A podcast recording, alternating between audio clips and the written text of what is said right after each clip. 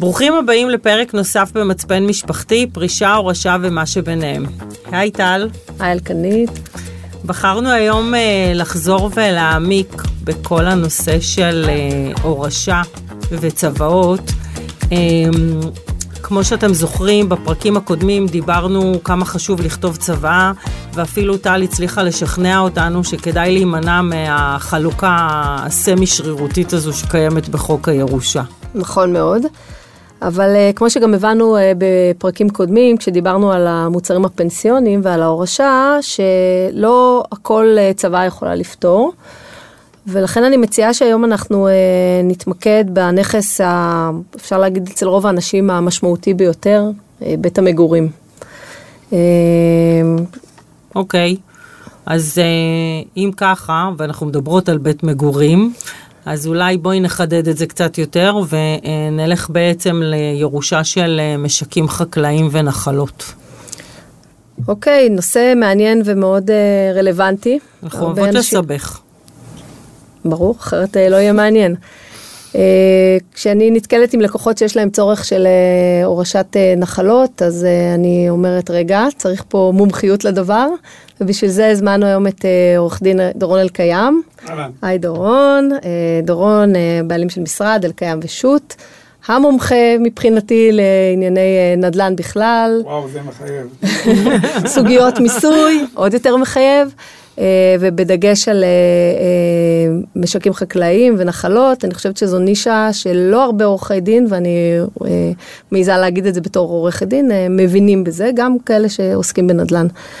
אז דורון, המיקרופון שלך, בוא תסביר לנו קודם כל. טוב, אני אנסה, קודם כל חשוב להבין שהעירייה פה רחבה, קיים. והסוגיות של, או שקשורות בהעברה של נחלה, בין בחיים, בין במתנה, בין אגב הורשה ובין בכלל, הן סוגיות מאוד מורכבות והן מערבות גם משפט חוזי, גם משפט של מס, ונדמה לי שיותר מהכל בבסיס שם למטה מבעבע הקושי המשפחתי המאוד גדול לקחת את הנחלה הזאת ולראות איך מעבירים אותה לדור הבא, כי בין שהמחוקק אה, הגביל את זה, בין שחוק האגודות השיתופיות הגביל את זה, בין שחוק ההורשה, אנחנו צריכים להבין מהי נחלה ולהבין שההעברה שלה והעברת הזכויות בנחלה היא ממש לא טריוויאלית.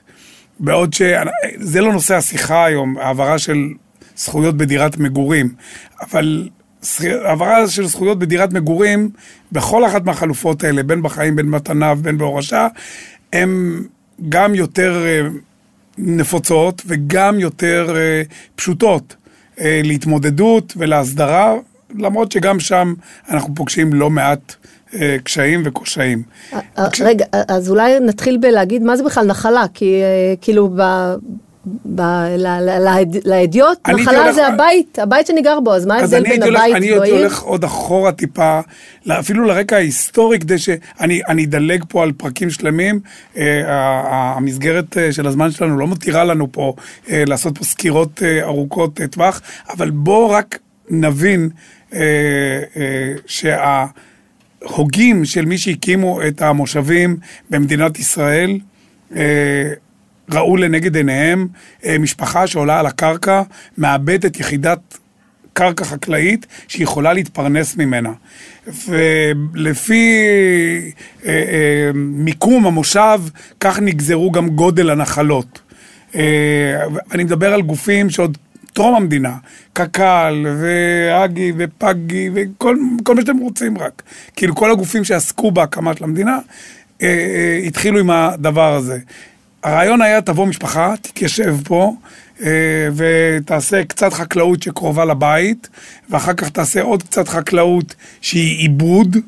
אה, מה שקרוב לבית זה כל מה שאתם מכירים, לולים, רפתות, אה, חקלאות אה, מסורתית. אחר כך יעשו קצת גידולים, והמושב ככלל יקבל איזה מין חטיבת קרקע, שעליה כל המושבניקים באורה ובריקודים יאבדו את השטחים המשותפים שלהם. זאת אומרת שרק בשביל להבין, נחלה זה חקלאות ובית מגורים. לגמרי. בעצם. צריך לישון איפשהו. לא, ברור, כשמאבדים וגם קרוב. לאדמה, או וקרוב או לאדמה, לדברים נכון. שבעצם... אז, אז א', אנחנו מערבים פה יפה את זכות המגורים אוקיי. עם הזכות החקלאית, אבל מי ש... אם הבנתן, אז בעצם כך עד היום, אנחנו נפגשים בינואר 24, כך נראה אישור האגודה, האגודה השיתופית שבתוכה נמצאת הנחלה, אישור המושב, מה שאנחנו קוראים. יש חלקה א', היא חלקת המגורים, אוקיי. יש חלקה ב', שהיא חלקת העיבוד שמשויכת לנחלה, וחלקה ג', שהיא אה, זכות בתוך שטחים שנמצאים בידי המושב. עכשיו צריך להבין, כאילו, כשהקימו את כל הדבר הזה, אה, אנשים באו מכל העולם, לא היה להם הון, לא היה להם תשתית כלכלית, הם לא באמת באו וקנו. הם קנו, הם באו בגופם לסמן, אה, סליחה על הציונות, אבל את גבולות מדינת ישראל, בין בקיבוצים, בין במושבים, ולאבד את, ה, את השטח. בבחינת, אה, אנחנו מכירים את, אה, בחודשים האחרונים צוטטו רבות את נאומו של משה דיין בנחל עוז, אז שאת... הגבול מגיע עד התלם האחרון, שלשם, וכך זה היה בכל מדינת ישראל. החזון ההתיישבותי הזה אה, שילב בתוכו גם קיום וגם מגורים וכן הלאה. כמובן שהחזון הזה, אני לא אגיד אה, התפורר, נגיד אה, השתנה. והוא השתנה כבר מזמן, הוא לא השתנה היום.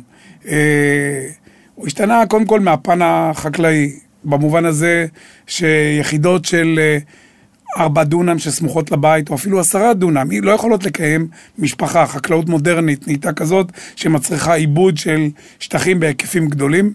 אי אפשר לקיים רפתות קטנות, ואנחנו לאט לאט, כל מי שליווה את התהליך הזה ראה איך רפתות של אפילו רפת, מה שחשבנו רפת גדולה, אה, 60 פה פרות ו-50 פרות, הלכו והצטמצמו ונוסדו פה והוקמו פה על ידי יישובים ומסגרות רפתות של מאות ואפילו למעלה מכך פרות בכל רפת.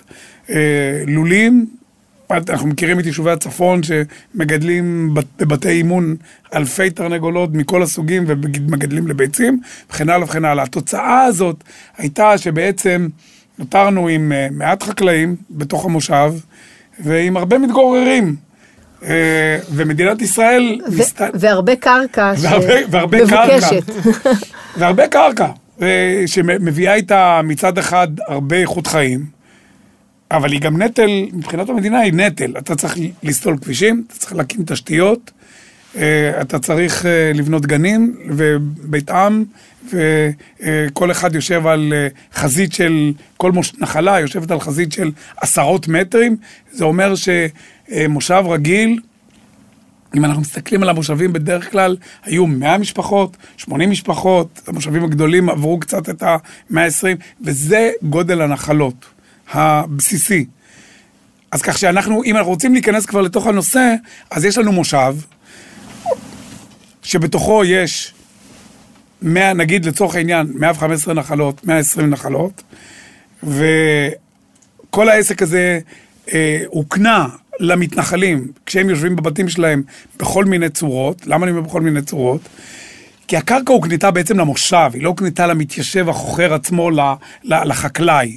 מי שקיבל את הקרקע זה האגודה, והאגודה שייכה את זה לכל מיני מתיישב, למתיישבים. לימים הם ייקראו ברי הרשות, ולימים בתי המשפט יכירו בזכות של ברי הרשות כאילו היא זכות שעלתה מדרגה והגיעה לרמה של חכירה.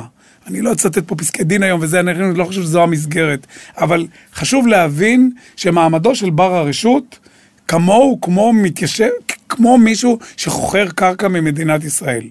אז עכשיו בואו נסתכל רגע על חוזה החכירה, מה המושב בעצם קיבל? הוא קיבל את כל חטיבת הקרקע, את כל מה שאנחנו קוראים הקו הכחול של המושב, היישוב, הכל.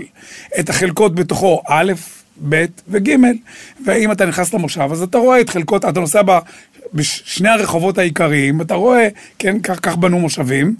אה, עם שני כבישים עיקריים וכבישי ביניים שמחברים ביניהם. כל נחלה מופרדת על ידי מה שנקרא צינור ודרך. תסתכלו על כל שתי נחלות במדינת ישראל, יש באמצע בין שתי הנחלות הצמודות צינור, וביניהם לנחלות שצמודות להם יש דרך, כך זה נקרא, צינור ודרך. אז ככה בנויות כל הנחלות, ולכל אחד יש איזה strip שהוא הבית, ואחריו יש שטח חקלאי, ובסייעתא דשמיא גם קיבל המושב כל מיני שטחים. בוא רגע, רק נחבר את זה, כשאתה מדבר על אה, זכויות ברשות, חכירה, זאת אומרת שהמתיישב המקורי, אה, זה לא באמת זכויות קניין שהן ברות העברה או הורשה רגילה, כמו שאנחנו מכירים שהבית שלי בעיר, אני יכולה להוריש אותו לילדים שלי. זאת אומרת, החוזה שלי הוא לא ישיר מול, מול המדינה. נכון, נכון. הזכות הזאת היא לא ברת הורשה כפי שאנחנו היינו מצפים שהיא תהיה במובן, במובן הפשוט של המילה. כן. אבל בתי המשפט תיקנו קצת את העניין הזה במובן הזה שבסוף לא יהיה מצב שבו בר הרשות הוא נטול זכויות והמושב או האגודה הם אלה שאוחזים בזכויות והוא נשאר בלי כלום. לא, הוא נשאר עם זכויות, יש עליהם חוקים ומגבלות על איך הוא יכול להפעיל את הזכות הזאת ואיך הוא יכול להשתמש בה, אבל בגדול אנחנו רוצים להגיד שהזכות הזאת היא שלו, שלו, של המתיישב, של, החוכ... של, ה... של בר הרשות. הזכות לגור בה, הוא צריך להיות מסוגל, כמו כל נכס במדינת ישראל, כאילו להעביר אותו, כאילו הקניין בו הוא שלו. אנחנו יודעים, כולנו נזכור פה בשיחה הזאת, הקניין הוא לא של המתיישב. אוקיי? Okay. Okay? הקניין הוא לא, לא, לא במובן המשפטי הרגיל. אה, רוב המושבים, רוב המושבים במדינת ישראל, הרוב המכריע, אין חוזה חכירה ישיר בין המתיישב, המושבניק, לבין מינהל מקרקעי ישראל, הבעלים של הקרקע, שעל שמו, אם אתה מוציא נסח, שם רשום. בדרך, בדרך כלל, בתווך הזה, יש רוב המושבים, יש חוזה, מה שאנחנו מכירים, חוזה תלת, צדדי או חוזה דו צדדי. בחוזה הדו צדדי... שזה רוב המושבים עד היום, נכון? יש, יש כאלה ויש כאלה. בדו צדדי יש האגודה מצד אחד, המינהל מצד שני, והאגודה היא זאת שמחלקת למתיישבים. אבל הזיהוי הזה, שהאגודה תגיד, זה, הנחלה הזאת היא של משפחת אברהם אבינו, אז היא של משפחת אברהם אבינו. כך הנחלה הזאת, ככה היא שייכת לו, והזיהוי הזה, הרבה פעמים האגודה גם תעביר רשימות אל המינהל, והזכות הזאת תירשם במינהל, ויהיה לה פיקס במינהל, ויהיו רשימות ויהיה מעקב של מי הזכות. לימים המינהל ישתפר וישתכלל, ואפילו יוצא אישורי... זכויות שתואמים את הזכויות האלה שיש באגודה. אז בוא, בוא רגע נפרק איזשהו ביטוי שאני לפחות שומעת אותו מהרבה אנשים שזורקים אותו, גם המושבניקים, בלי באמת להבין מה עומד מאחוריו, אותו כן, בן ממשיך. כן, אז אה, שנייה רגע, אני, אני, אני מיד אגיע לזה. אני, אני חושב שזה ה... כשיש, אנחנו מסתכלים, צריך להבין גם שיש מושבים שיש חוזה תלת צדדי, גם שם החוכר הוא ברשות, הרבה פעמים האגודה, יש איזה גוף מיישב, הקק"ל, ה-UJA, כל מיני גופים כאלה שתרמו כסף ומימנו את העלות של ההקמה של המושב. והמושבניק, הרבה מושבניקים לא יודעים שהם עד היום חייבים את הכסף הזה. וש... מתי הם פוגשים את החוב הזה? כן, כשהם מוכרים או מעבירים, כן, אה. הם, הם יגלו, יום אחד הם יגלו שאולי יש שם חוב, יש כל מיני מנגנונים איך לעיין את החוב הזה, אבל יש, זה המסגרות. ואז בעצם המושבניק שיושב בנחלה שלו, רוצה, אחרי שהוא עבד בה עשרות שנים, להעביר אותה לילדיו. צריך להבין שגם פה, הייתה פה מדינה מאוד uh, מעורבת נקרא לזה, שהגופים המיישבים, מכיוון שהם גם נתנו את הקרקע, אני מתעלם מההיבטים של קיבוצים שקנו קרקע והעבירו אותה למינהל, היה כזה דבר, המון, uh, וגם מושבים, וגם זו הייתה תופעה שליוותה את קום המדינה. הציונות הייתה מאוד פעפעה בעצמות של האנשים, עד כך שהיא גברה על יצר הקניין שלהם. אנשים קנו נכסים מהערבים, פדו אותם והעבירו אותם לגופים המיישבים. אז, אבל בואו נסתכל רגע על המושבניק, שעבד כמה שנים, וישב בנכס, ועכשיו יש לו ילדים, והוא תוהה מה הוא עושה איתם. עכשיו, איך הוא עוזר להם קודם כל? איך הוא עוזר להם? ו... עכשיו בוא נזכור, רובם, רוב רובם, אנחנו פוגשים את זה, המושבים קמו בשנות ה-30, mm-hmm. אנחנו השנה היא 1980, חלפו 49 שנות חכירה, והמושבניקים מתחילים להתגרד בשנות ה-80, מה הם עושים בעצם עם הדבר הזה? איך הם מתמודדים עם זה? זה, זה, זה מדהים, כי הם, רובם כבר לא חקלאים, רוב רובם כבר לא חקלאים. 1980, השווי של נחלות, הערך הזה, ה- היכולת הזאת אה, לחיות בטבע, היא עדיין לא... היא עדיין לא איזה סממן של, של עושר וסממן של, אה, של טורטלים כאלה שבאים למושבים ומתיישבים בזה ובונים איזה בתים שהם מפלצות. אנחנו עוד לא שם. הם מתחילים לדאוג לדאגות הכי פשוטות. ואז מתחיל התהליך שהמושבים והמינהל והגופים המיישבים ממציאים את ההרחבות. כולנו מכירים את הסוגיה הזאת.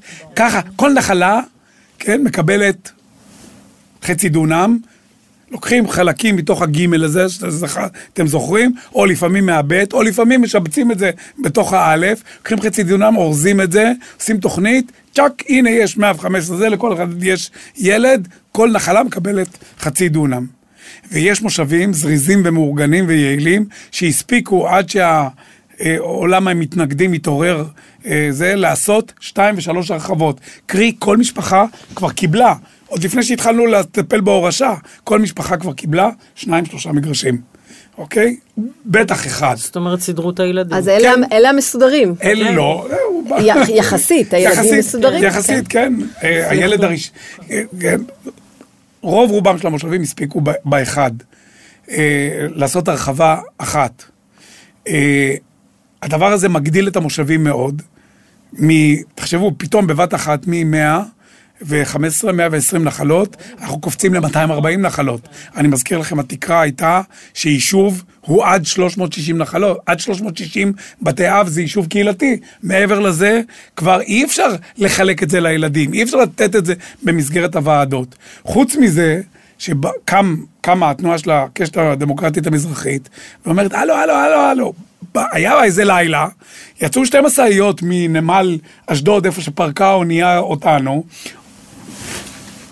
משאית אחת נסעה למושב ופרקה שם את האנשים, ומשאית אחת נסעה לשדרות, או לדימונה, או לנתיבות, או לכל מקום אחר ברחבי מדינת ישראל. גילוי נאות, אני תושב דימונה. אבל ההורים שלי הגיעו לשם מבחירה, לא מ... הם לא נחתו שם באיזה לילה. אז ה... הם אומרים, רגע, רגע, איך יכול להיות שאני קיבלתי דירת שיכון 60 מטר, אה, מט ליפול באיזה עיירת פיתוח שהשיחים מתגלגלים ברחובות, ואני לא מסוגל להעביר, לתת לילדים שלי שום מתנה, שום הרחבה, שום כלום, וכל המושבים האלה, כל אחד זה, שלא לדבר על הקיבוצים, ואתם זוכרים את סיפורי הבריכות והעניינים וכן הלאה, לא, לא נרחיב היום בעניין הזה. התוצאה של ההתלכדות של התהליך הזה היא... שהמינהל והגופים המיישבים והמושבים והממשלות מתחילים להתגרד, סוגיה מגיעה לבג"ץ, ובג"ץ עוצר את התהליך הזה ביולי 2001, וקובע no more. אין הרחבות? אין, הוא אומר, no more חלוקות, הקרקע היא לא של המתיישב. החלטות הבואינג, מה שאנחנו קוראים, 7277, 737, שמכוחן אה, כל מושב קיבל לידיו מתוך כל תוכנית שיזמו 27 אחוז, כן? אז התוכנית הזאת, ההחלטות מנהל האלה שרצו בשנות ה-80 ותחילת ה-90 עד ממש 2000, כל ההחלטות האלה פקעו בצו המניעה, ובא, ובא, ובא הקץ על, על הדבר הזה. החלטות 727 ו-737 הן אותן תוכניות שמכוחן עשו את אותן הרחבות. מה שבעצם אמר, ההחלטות האלה, מה שהם אמרו, על כל 100 דונם ששינה יהודו, 27 אחוז הם של המושב, חוזרים למושב, תחשבו, זה מטורף. כל 27 אחוז, לוקחים 100 דונם, שמתכננים עליהם שכונת מגורים, אה, תסתכלו על המושבים, אני לא רוצה לנקוב בשמות, אבל יש מושבים שקרובים לאזורי יישוב וספר קרובים, ותראו מה, מה זה, לקחו 100 דונם, שבנו שם תוכנית, תכננו לה שכונה שלמה, ו... לא קרה כלום, הקיבוץ קיבל 27% מהשכונה. כן. בחזרה אליו, יש פה קיבוצים ש... ומושבים שהתעשרו מאוד, חברי המושב אה, בנכסים ובקניין, מכוח ההחלטות האלה. כמובן, החלטת הבג"ץ מיולי 2001 עוצרת את הדבר הזה. עכשיו אנחנו נתקלים בתק... בקושי העצום הזה, מה עושים עכשיו עם הדור הבא? אז אי אפשר לתת להם את הרחבות, נתנו אחד, נתנו שתיים, הבג"ץ עצר את זה, מה נעשה עכשיו? מה, אי אפשר להוריש? אי אפשר לטפל ב, ב, ב, ב, בדור הבא בצורה ראויה בתוך המושב? Uh, הפתרון לקח לו כמעט, אה, אני לא אגזים, כמעט 14-15 שנה כדי לבוא לעולם. קודם כל זה התחיל מהצו מניעה, ואחרי זה הבג"צים שרדפו אחד אחרי השני, של הקשת הדמוקרטית המזרחית, עד שבסופו של דבר המינהל קיבל הוראה ל- ל- לכתוב הוראות חדשות על איך מחלקים את העושר הציבורי הזה למדינת ישראל. קרי, מי שרוצה לקבל מגרש בהרחבה צריך לשלם עליו, צריך לקנות אותו. הוא לא יכול אה, ליהנות מן ההפקר. אנחנו לא מחלקים את זה, זה לא של המתיישב, זה של מדינת ישראל. אה, המינהל אה, מופיע בכמה וכמה פסקי דין עם תצהירים מאוד מפורטים של מנהלי המחלקות החקלאיות ומסבירים את התהליך הזה, ובית המשפט ובתי המשפט ובג"ץ בסופו של, יום, בסופו של יום נותנים הכרעה שאומרת להם תכתבו הנחיות והחלטות חדשות שמבטאות את רוח ההחלטה שלנו, קרי אין, אין יותר. וזה יוצר קושי מאוד גדול בהעברת הזכויות בנחלות. אנחנו כרגע עדיין מדברים על הרחבות, לא על, ה, על, ה, על העברה של הבית הגרעיני בנחלת. אנחנו עדיין מדברים רק על הזכות. אם אי אפשר להוליד מגרשים, שוו בנפשכם שהמושב היה יכול להוליד, להמשיך ולהוליד מגרשים עד אין קץ. סוגיית ההורשה לא הייתה באה לעולם. עכשיו בואו נחזור ממש להתחלה להתחלה ונבין עיקרון יסוד בנחלות. נחלה היא אטום. אי אפשר לפרק אותו. יתום, אי אפשר, כדי לפוצץ אותו צריך לפוצץ באמת את האטום הזה, אי אפשר. זה אומר שאם יש לי נחלה, שלושה ילדים, לא יכולה לחלק בין שלושתם. לא. הם אמורים לחיות כולם ביחד שלושתם. גם זה לא. לא. לא. הם אמורים להיות אוקיי. ישות אחת, והם לא. גם זה לא. גם זה לא. הנחלה, בהתחשב בזה שהיא יתום, אי אפשר, אי אפשר לפרק אותה. Okay. אוקיי. זה בא עוד uh, מ, מהמהפכה הצרפתית, לא רצו לפרק. גם כשהקימו את זה ואמרו שזה מספיק, נגיד 29, יש מושבים שיש 28, 29 דונם לנחלה, אה, לפעמים אה, בדרום נקבע אה, נחלות יותר גדולות, אה, ובצפון יש ברחבי הארץ פזורים אה, מושבים עם כל מיני גדלים של נחלות, כל מיני גדלים של חלקה א', כל מיני גדלים של חלקה ב', תבואו למושב טל שחר, אתם תראו בתים שמהבית רץ strip של 40 דונם, מהדלת כן. של המתיישב עד קצה הנחלה. את זה אי אפשר לפרק. אי אפשר לפרק, קרי, אי אפשר למכור, למכור את זה בחלקים, אי אפשר להעביר לך ילדים בחלקים, אי אפשר.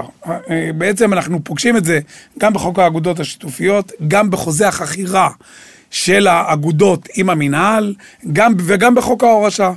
בעצם אותו עיקרון אומר, כשהמתיישב הולך לעולמו, זה עובר לבן בת הזוג, אחד משניהם, וזה כשלא החליפו בן זוג באמצע גם.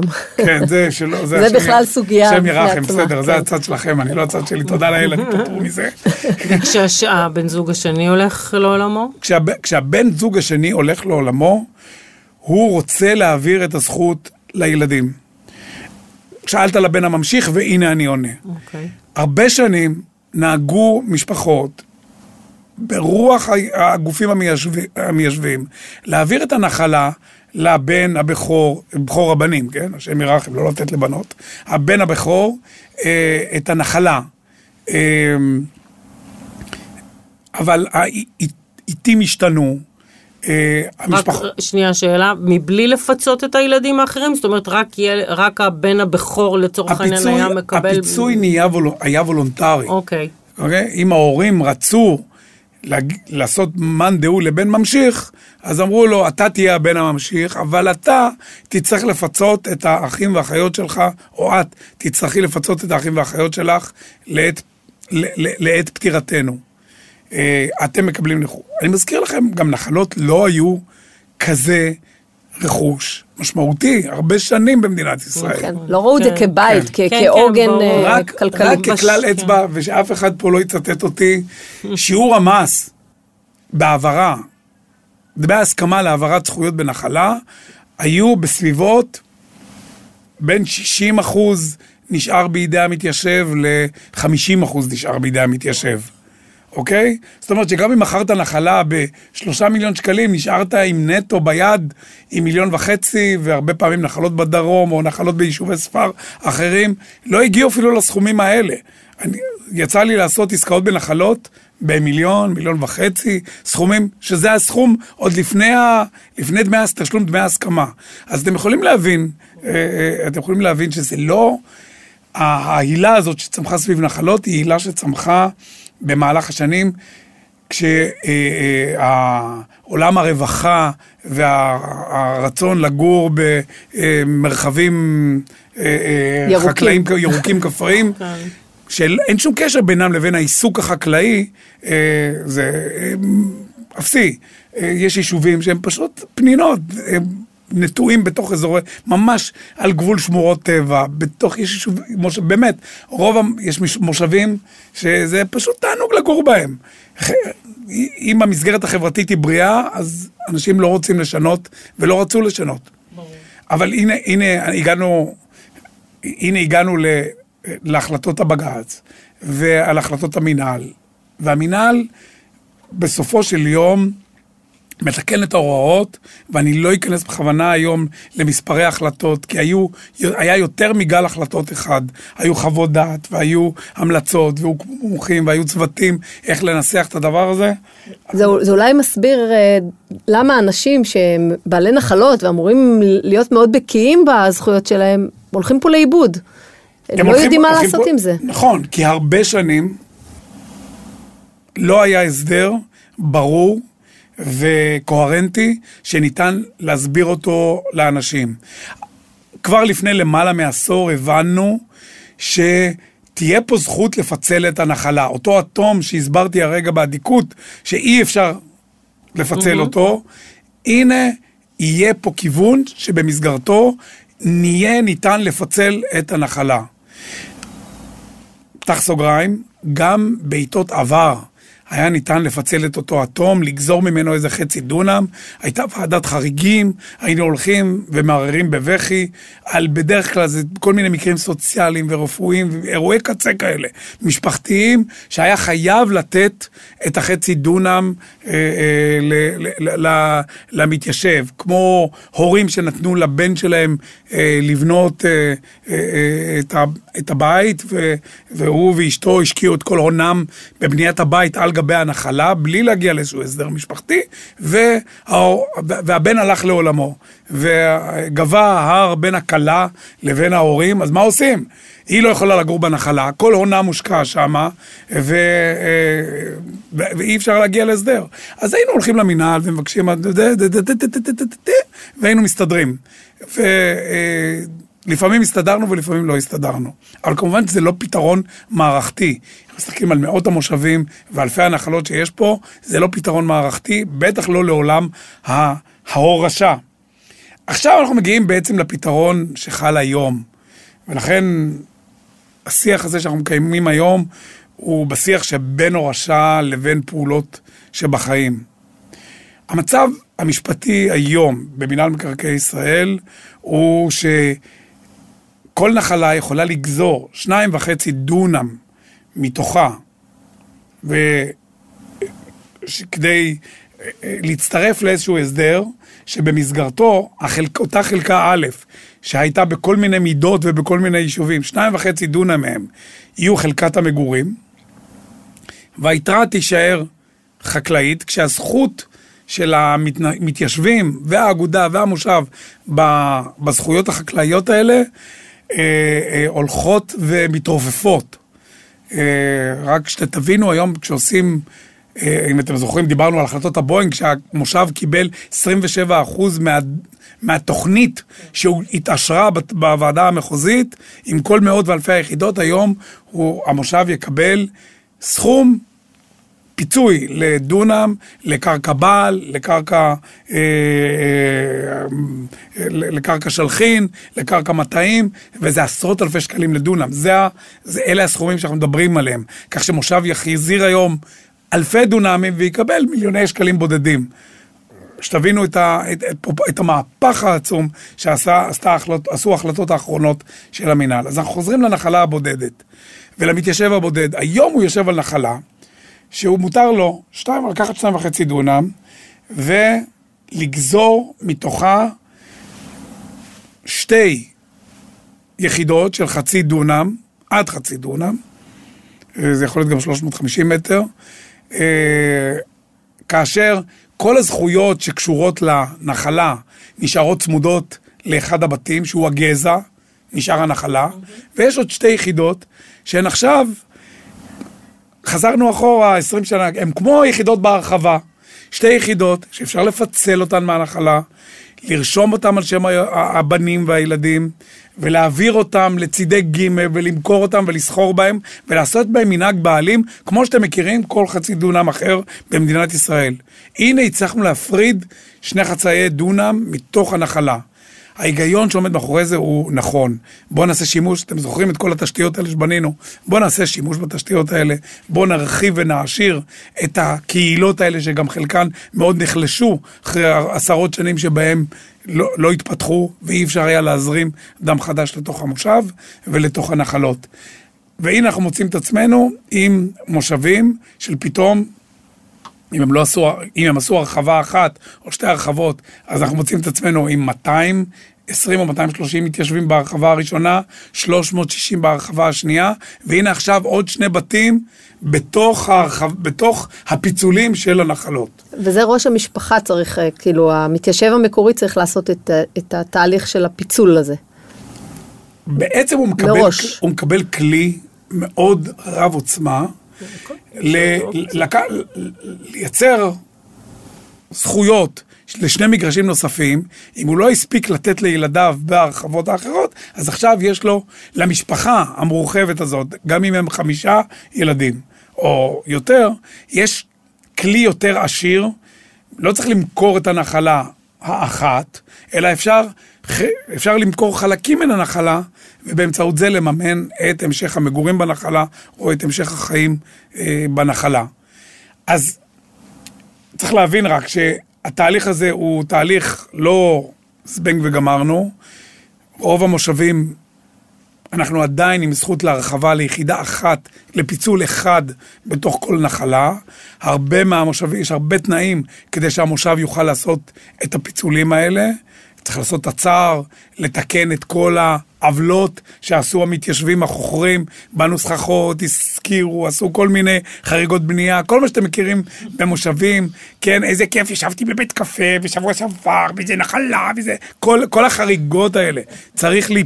צריך לתקן אותן, המושב עומד על כך שאגב כך כל החריגות יוסרו וכן הלאה, ואז אפשר לקבל את היחידה הראשונה, ומושבים שמקדמים טבעות אה, יתאפשר להן אה, אה, גם לקבל שתי יחידות. ועל הקושי הזה שהמגבלה הזאת שהייתה של 390 יחידות, של איך נקצה את זה ואיך נפרק את זה, אז uh, אני שולח אתכם לתיקון שעשתה איילת שקד, uh, ובמסגרתו הוגדל כמות המתיישבים שניתן לכלול ב... יישובים עם המלצות. כן, זהו, זה, מגדיל משמעותית כן, פתאום את המספר. כן, הם הגיעו, ש... כן, היום, כן אז, אז היום המספר הזה גדל מאוד, וזה מאפשר עדיין לוועדות הקבלה של המושבים אה, אה, אה, לחלק את זה עדיין למי שהם חפצים בעיקרם. אוקיי. הגם שרק בשביל ההגינות נגיד, אנחנו מדברים בתהליך מאוד מאוד לא זול, במיוחד ביישובי, באזורי ביקוש. זה, זה, זה אה, עלו לי תוך כדי שאתה מספר שתי שאלות אגב, זה א', האם זה צריך להיות קודם כל אה, אה, מהלך שהמושב כולו צריך להוביל, או שזה אישי? כאילו המושב צריך להצטרף להסדר הזה, זה לא שמתיישב אחד זה מתאים לו והשני לא? אז כן ולא. אוקיי. כן, גם מתיישב בודד יכול ליזום הצטרפות למהלך הזה. יש מה שנקרא דמי כניסה. אם הוא משלם 3.75% משווי הקרקע, הוא מקבל בהזדמנות הזאת, המתיישב המתנחל, זה, זה, מקבל אפשרות להצטרף למהלך של הפיצול. אגב, כך הוא מקבל גם עוד קצת מתנות.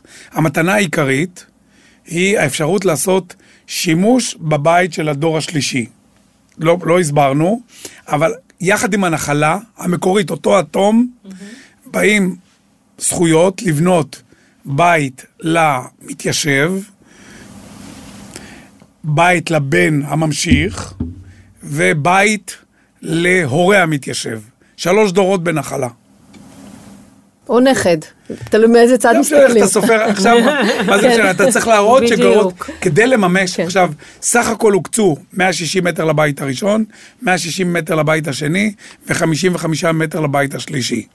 יש כל מיני דרכים להרחיב את זה, אבל אני לא, לא ניכנס לדיני תכנון ובנייה ולקשר המאוד מורכב שבין עולם התכנון לעולם המינהל. זה נושא לשיחה אחרת, והוא לא נוגע לעולם ההורשה, אבל הוא, הוא, הוא, הוא שם.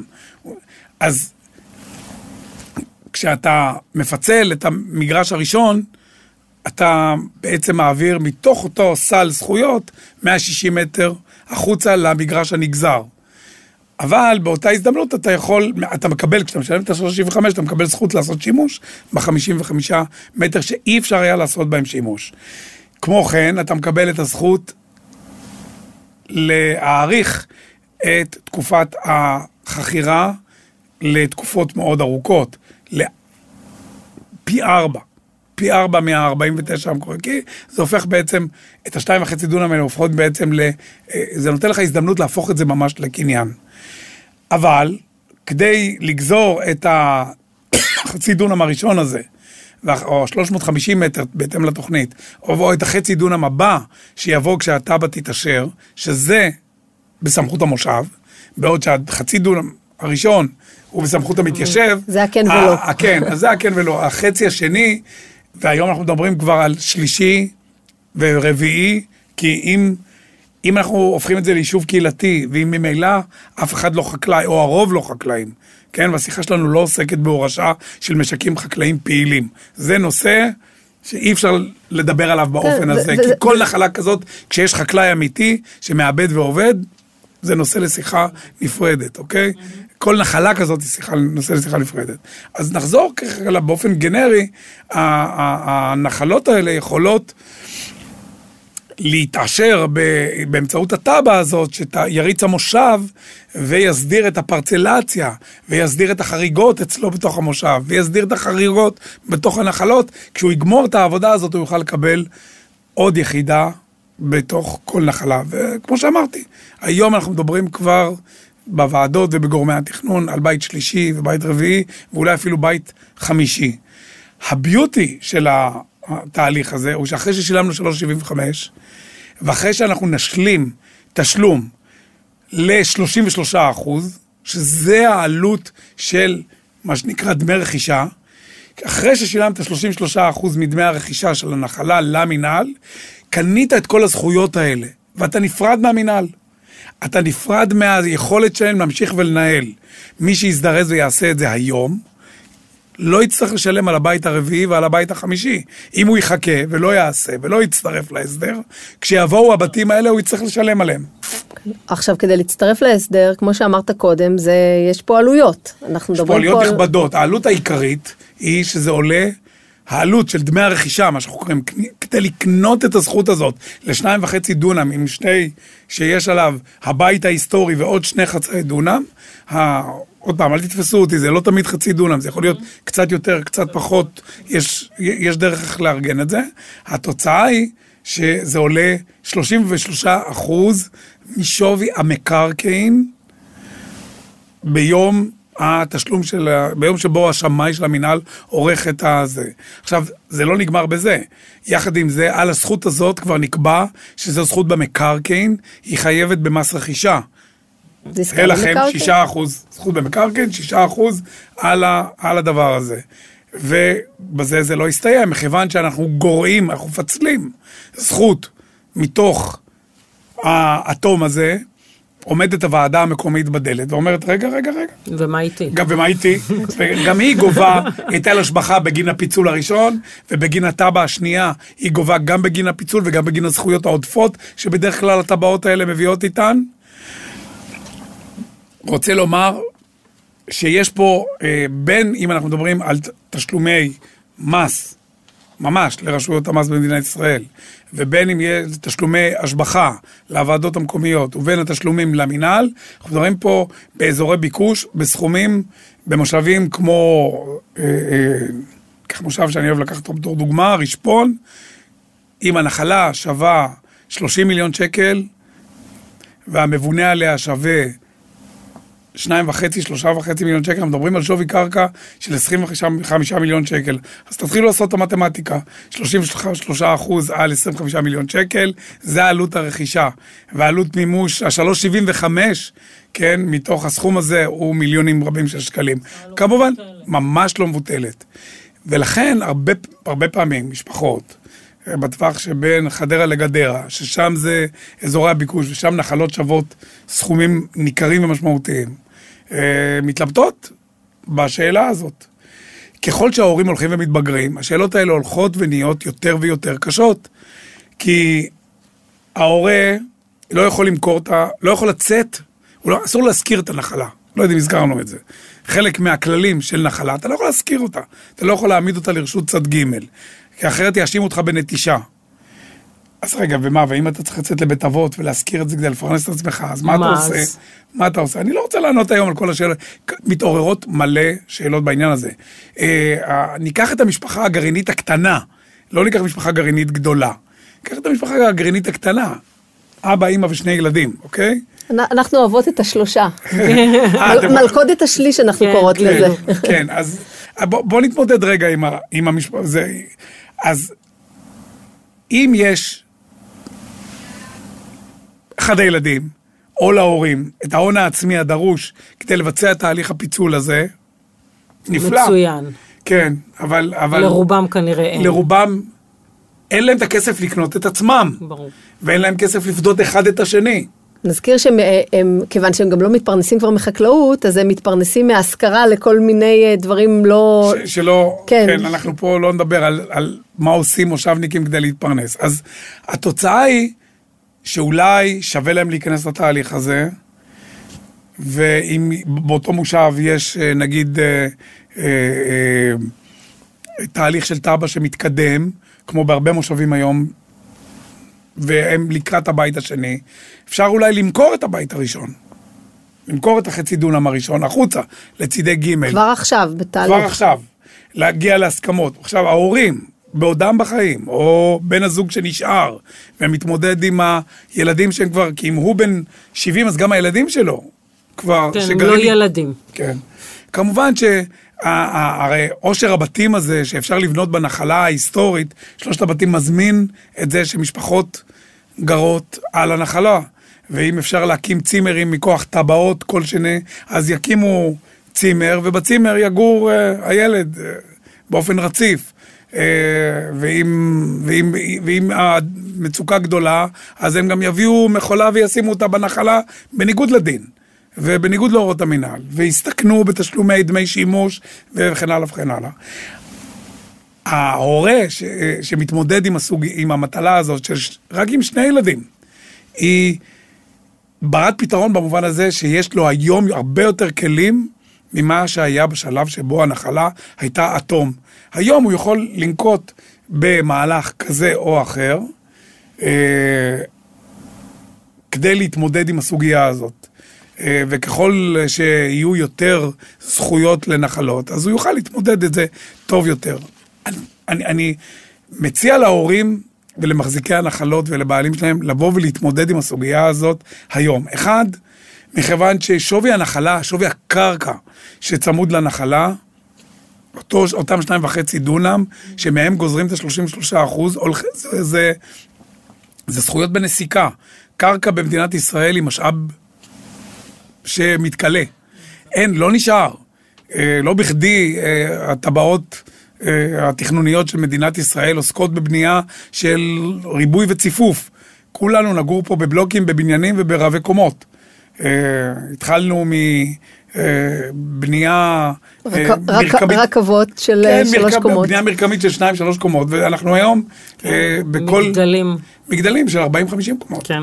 אוקיי? אני לא יודע מתי יקומו המגדלים במושבים, אבל בינתיים, כרגע, גם התהליך הזה של ציפוף ושימוש בקרקע וניצול של הקרקע טוב יותר, אין לי ספק שהוא ימשיך, ויתרח... ימשיך ויגדל. אתה כבעל נחלה, צריך לחשוב איך אתה דואג לדור הבא. אתה יכול או להשאיר את זה להם, להתמודד, שישברו את הראש, אה, במובן הזה, לא- אתה יכול להוריש את זה לאחד הילדים ולהגיד לו, אתה תפתור מול אתה, האחרים. אתה תפצה את האחים שלך, כן. כמו שעשינו פעם, ואם אין, אם אין לך, אז תמכור. כך יכולה להיראות הוראה בצבא. אני מוריש את הזכות הזאת לאחד הילדים, את אותו אטום שעדיין לא פיצלתי. אני מוריש אותו לאחד הילדים, הנה עמדתי בדרישות האגו- חוק האגודות ובחוק ההורשה, ועמדתי בחוזה החכירה של המושב. אני יכול להעביר את זה אליך. וגם שם צריך, אה, אה, מול המינהל, אה, למיטב ידיעתי, צריך את ההסכמה של שאר הילדים, כי זה שכתבת לא, את זה לא, בצבא, לא, אם אתה, אם אתה, אם אתה אם מוריש... הם רבים, אם הם רבים, אז שבית משפט להם. יכריע. אם הם רבים, אז זה הבריאות להם, אבל אתה יכול להוריש את הזכות, אתה, הזכות היא שלך, ואתה יכול להוריש אותה לאחד. לאחד, לאחד מהילדים. אתה לא יכול להוריש אותה לשניים. אתה יכול להגיד לו, ת, ת, תפצה אותם, ואם הוא לא מפצה אותם, אז אנחנו, אז בדרך כלל נפגשים בבתי משפט. כן, וזה להעביר את הבעיה לדור הבא, זה לא בעצם לפתור אותה בגדול. אין כי בזה אם, שום- אם לאותו ילד אין לצורך אין העניין כסף, או, או נכון. אין את היכולת בעצם לפצות את אחיו, בסדר? בין אם הם בסכסוך או לא, גם אם הם אה, האחים הכי אוהבים בעולם ואין את הכסף, אז זה לא רלוונטי, אין לו דרך.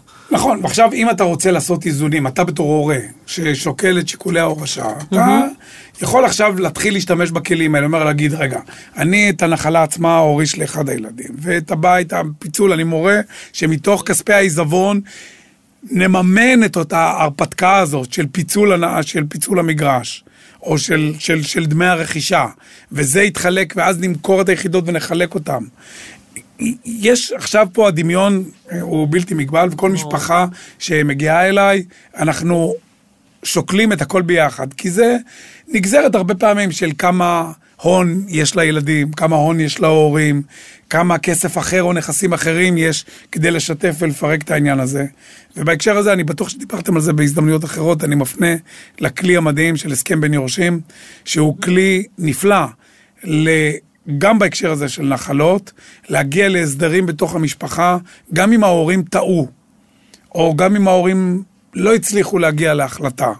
וזה גם, אנחנו פוגשים הרבה הורים ש, שבאים אליי וכותבים טיוטה ראשונה של צבא, וטיוטה שנייה וטיוטה שלישית, והם לא יודעים, ולילד הזה נתנו ולילד הזה לא נתנו, ולא מצליחים לאזן, צריכים להחליט לפעמים בינם לבין עצמם, ולפעמים הם מאבדים את כושר השיפוט, והם מזדקנים ולא מצליחים, ומשאירים את זה כך. אז גם היורשים עצמם יכולים במסגרת הסכם בין יורשים, לבוא ולתקן חלק מהתקלות, חלק מהתקלות האלה. אני חושבת שה... כאילו, אם ננסה להתכנס, כי אנחנו לא נפתור פה את אה, כל הבעיות, אה, בטח בסוגיה לא מורכבת כזו.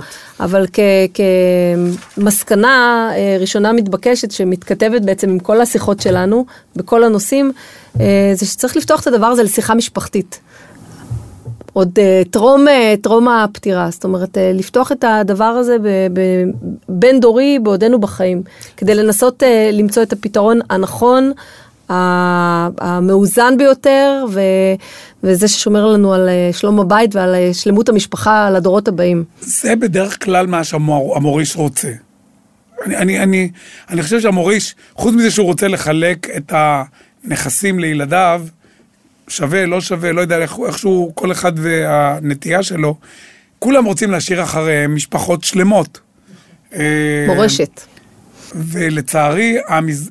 ה- הנחלות שבהם ההורים לא עסקו בחייהם, בהעברת הזכות ובהסדרת מנגנון העברת הזכות, זה פרק אחר כך אה, את המשפחות. זה, אה, הם בסוף, בעל כורחם, נפגשים בבתי משפט, או בהליכים של גישור, בוררות וזה עניינים, ואפילו אם הם אוהבים אחד את השני וזה עניינים, וזה הרבה פעמים לא נפתר אלא אם אחד מהאחים אה, מוותר איזשהו אה, ויתור גדול, וזה יוצר תחושת קיפוח ואי נוחות גדול, גם בקרב האחים וגם בקרב האח שלא מקבל או כן מקבל. אה, אני חושב שההתעסקות הזאת, אם מתעסקים עם זה בחיים, קודם כל אתה מבין מכל אחד מהיורשים גם מה כואב לו ומה הוא צריך. אחד רוצה להמשיך לגור במושב, ואחד לא חשוב לו בכלל. ואחד התחתן עם מושבניקית, אז יש לה את הנחלה מהצד שלה. ואחד קנה מגרש בהרחבה, הוא בכלל לא רוצה, לא רוצה להשקות עצים, לא כוח, לא, לא בא לו. ותמיד יש אחד שבכלל לא חי בארץ. כן, ואחד שלא, וכן הלאה וכן, כן, אתם מכירות את זה טוב ממני. זה בדיוק השיחה המשפחתית שאמרת, ותכנון מראש, תכנון מראש, תכנון מראש, רוב הסיכויים שיצמצם לנו, בסדר? לא בהכרח יפתור הכל, ויצמצם לנו את הבעיות שניפגש איתם בהורשה עצמה. גם אין פה, אין פה פתרון בית ספר אחד, זה כן, כל ברור. משפחה, מה שמתאים לה, למבנה המשפחתי, ל- לתפיסות עולם שלהם, ליחסים. כשאנחנו מדברים על זה שאין פתרון, אין פתרון הזו. משפחתי אחד, אני אומר את זה גם שאין אה, אה, דרך אחת לנהל את השיח הזה. חד משמעית. אה, ההורים אה, הרבה פעמים מתקשים, אחרי שהם לא ניהלו שיחות על כסף עם הילדים, אף פעם בחיים, פתאום צריכים לפתוח את כל מה שיש להם, להסביר את כל מה הם עשו ומה הם חילקו. ילדים בתוך התהליך הזה, כשאני עברתי אותו, אה, אה, הם מתפחלצים, הם מגלים פתאום שאחד הילדים קיבל דירה. ואחת הילדות קיבלה מתנה לחתונה בשווי של דירה. כל מיני, פתאום, כי ההורים מנסים פתאום עכשיו לאזן, אגב, אגב החלוקה האחרונה הזאת, של הנכס המהותי העיקרי שנשאר אה, להרבה משפחות. אם יש, אם יש מספיק אז זה לא בעיה. אבל בדרך כלל זה, זה, זה, זה הנחלה, זה הדבר היחיד שנשאר. אה, או המהותי שנשאר, והחלוקה שלו היא מאוד מורכבת. פעם אחת לפתוח את השיח על זה, ופעם שנייה גם לחלק בפועל. אין, לא יהיה פה, כנראה שהרבה פעמים לא כולם יוצאים מרוצים מהתהליך הזה, אבל בהחלט אפשר למתן את המחלוקות אה, בשיחות, בשיחות מקדימות ונכונות. גם אם לא, אני אומר לכם שהכלי הזה של הסכם בין יורשים, באו אליי יותר מפעם אחת, ילדים, אמרו, ההורים לא מבינים כלום, עזבו אתכם, עזבו אתכם מהצבא.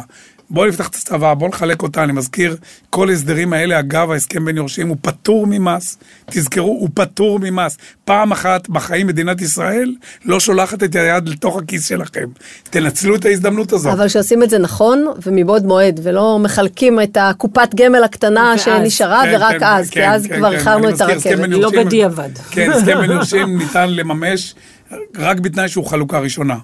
ואל תתחכמו עם חלוקה ראשונה, כי היום פקיד השומה ידע בדיוק מהי החלוקה הראשונה. הוא יגלה את השכיר, כן, הוא יגלה את הקצה של הקצה. זהו, אלה האח הדברים. הגדול, וואו, דורון, זה היה מרתק. ממש. למרות שאני מכירה אותך ושמעתי אותך כמה וכמה פעמים, זה כל פעם... אז בשבילי זו הפעם הראשונה, וזה היה מרתק. בסדר, אני, אני, אה, זה, רק בזהירות. אני אמרתי, פתחתי ואמרתי, העירייה היא עצומה. העירייה, השיח הזה, בין מינהל מקרקעי ישראל, רשות המיסים וועדות התכנון, מתלכד פה בתוך הנחלות האלה לשיח הרבה יותר מורכב. לא דיברנו בכלל על כל היבטי התכנון. ועל המורכבות שלהם, ועל איך, גם לא דיברנו על המכונאות, איך זה עובד בתוך המינהל, כל העניין הזה של הפיצול, כמה זה מורכב, כמה זה צריך, מצריך אנשי מקצוע שמלווים, מודדים ושמאים ועורכי דין וכן הלאה. אני מציע אה, אה, לכל מי שרוצה להתמודד ולהתעסק עם זה, לא להקל ראש, זה לא פשוט. את התענוג הזה אנחנו נשאיר לך, דורון. כן, כן, גם, בדיוק. בסדר, בכיף. אוקיי, אז אה, טוב, אני חוזרת ומזכירה, עורך דין דורון אלקיים, אלקיים ושות', נעמת לנו מאוד. טל ואלקנית, אנחנו נמשיך ונהיה פה בפרקים הבאים. תודה לכם, תודה לכם, בשמחה ותעשו טוב. משתדלות. תודה. רבה. להתראות. ביי.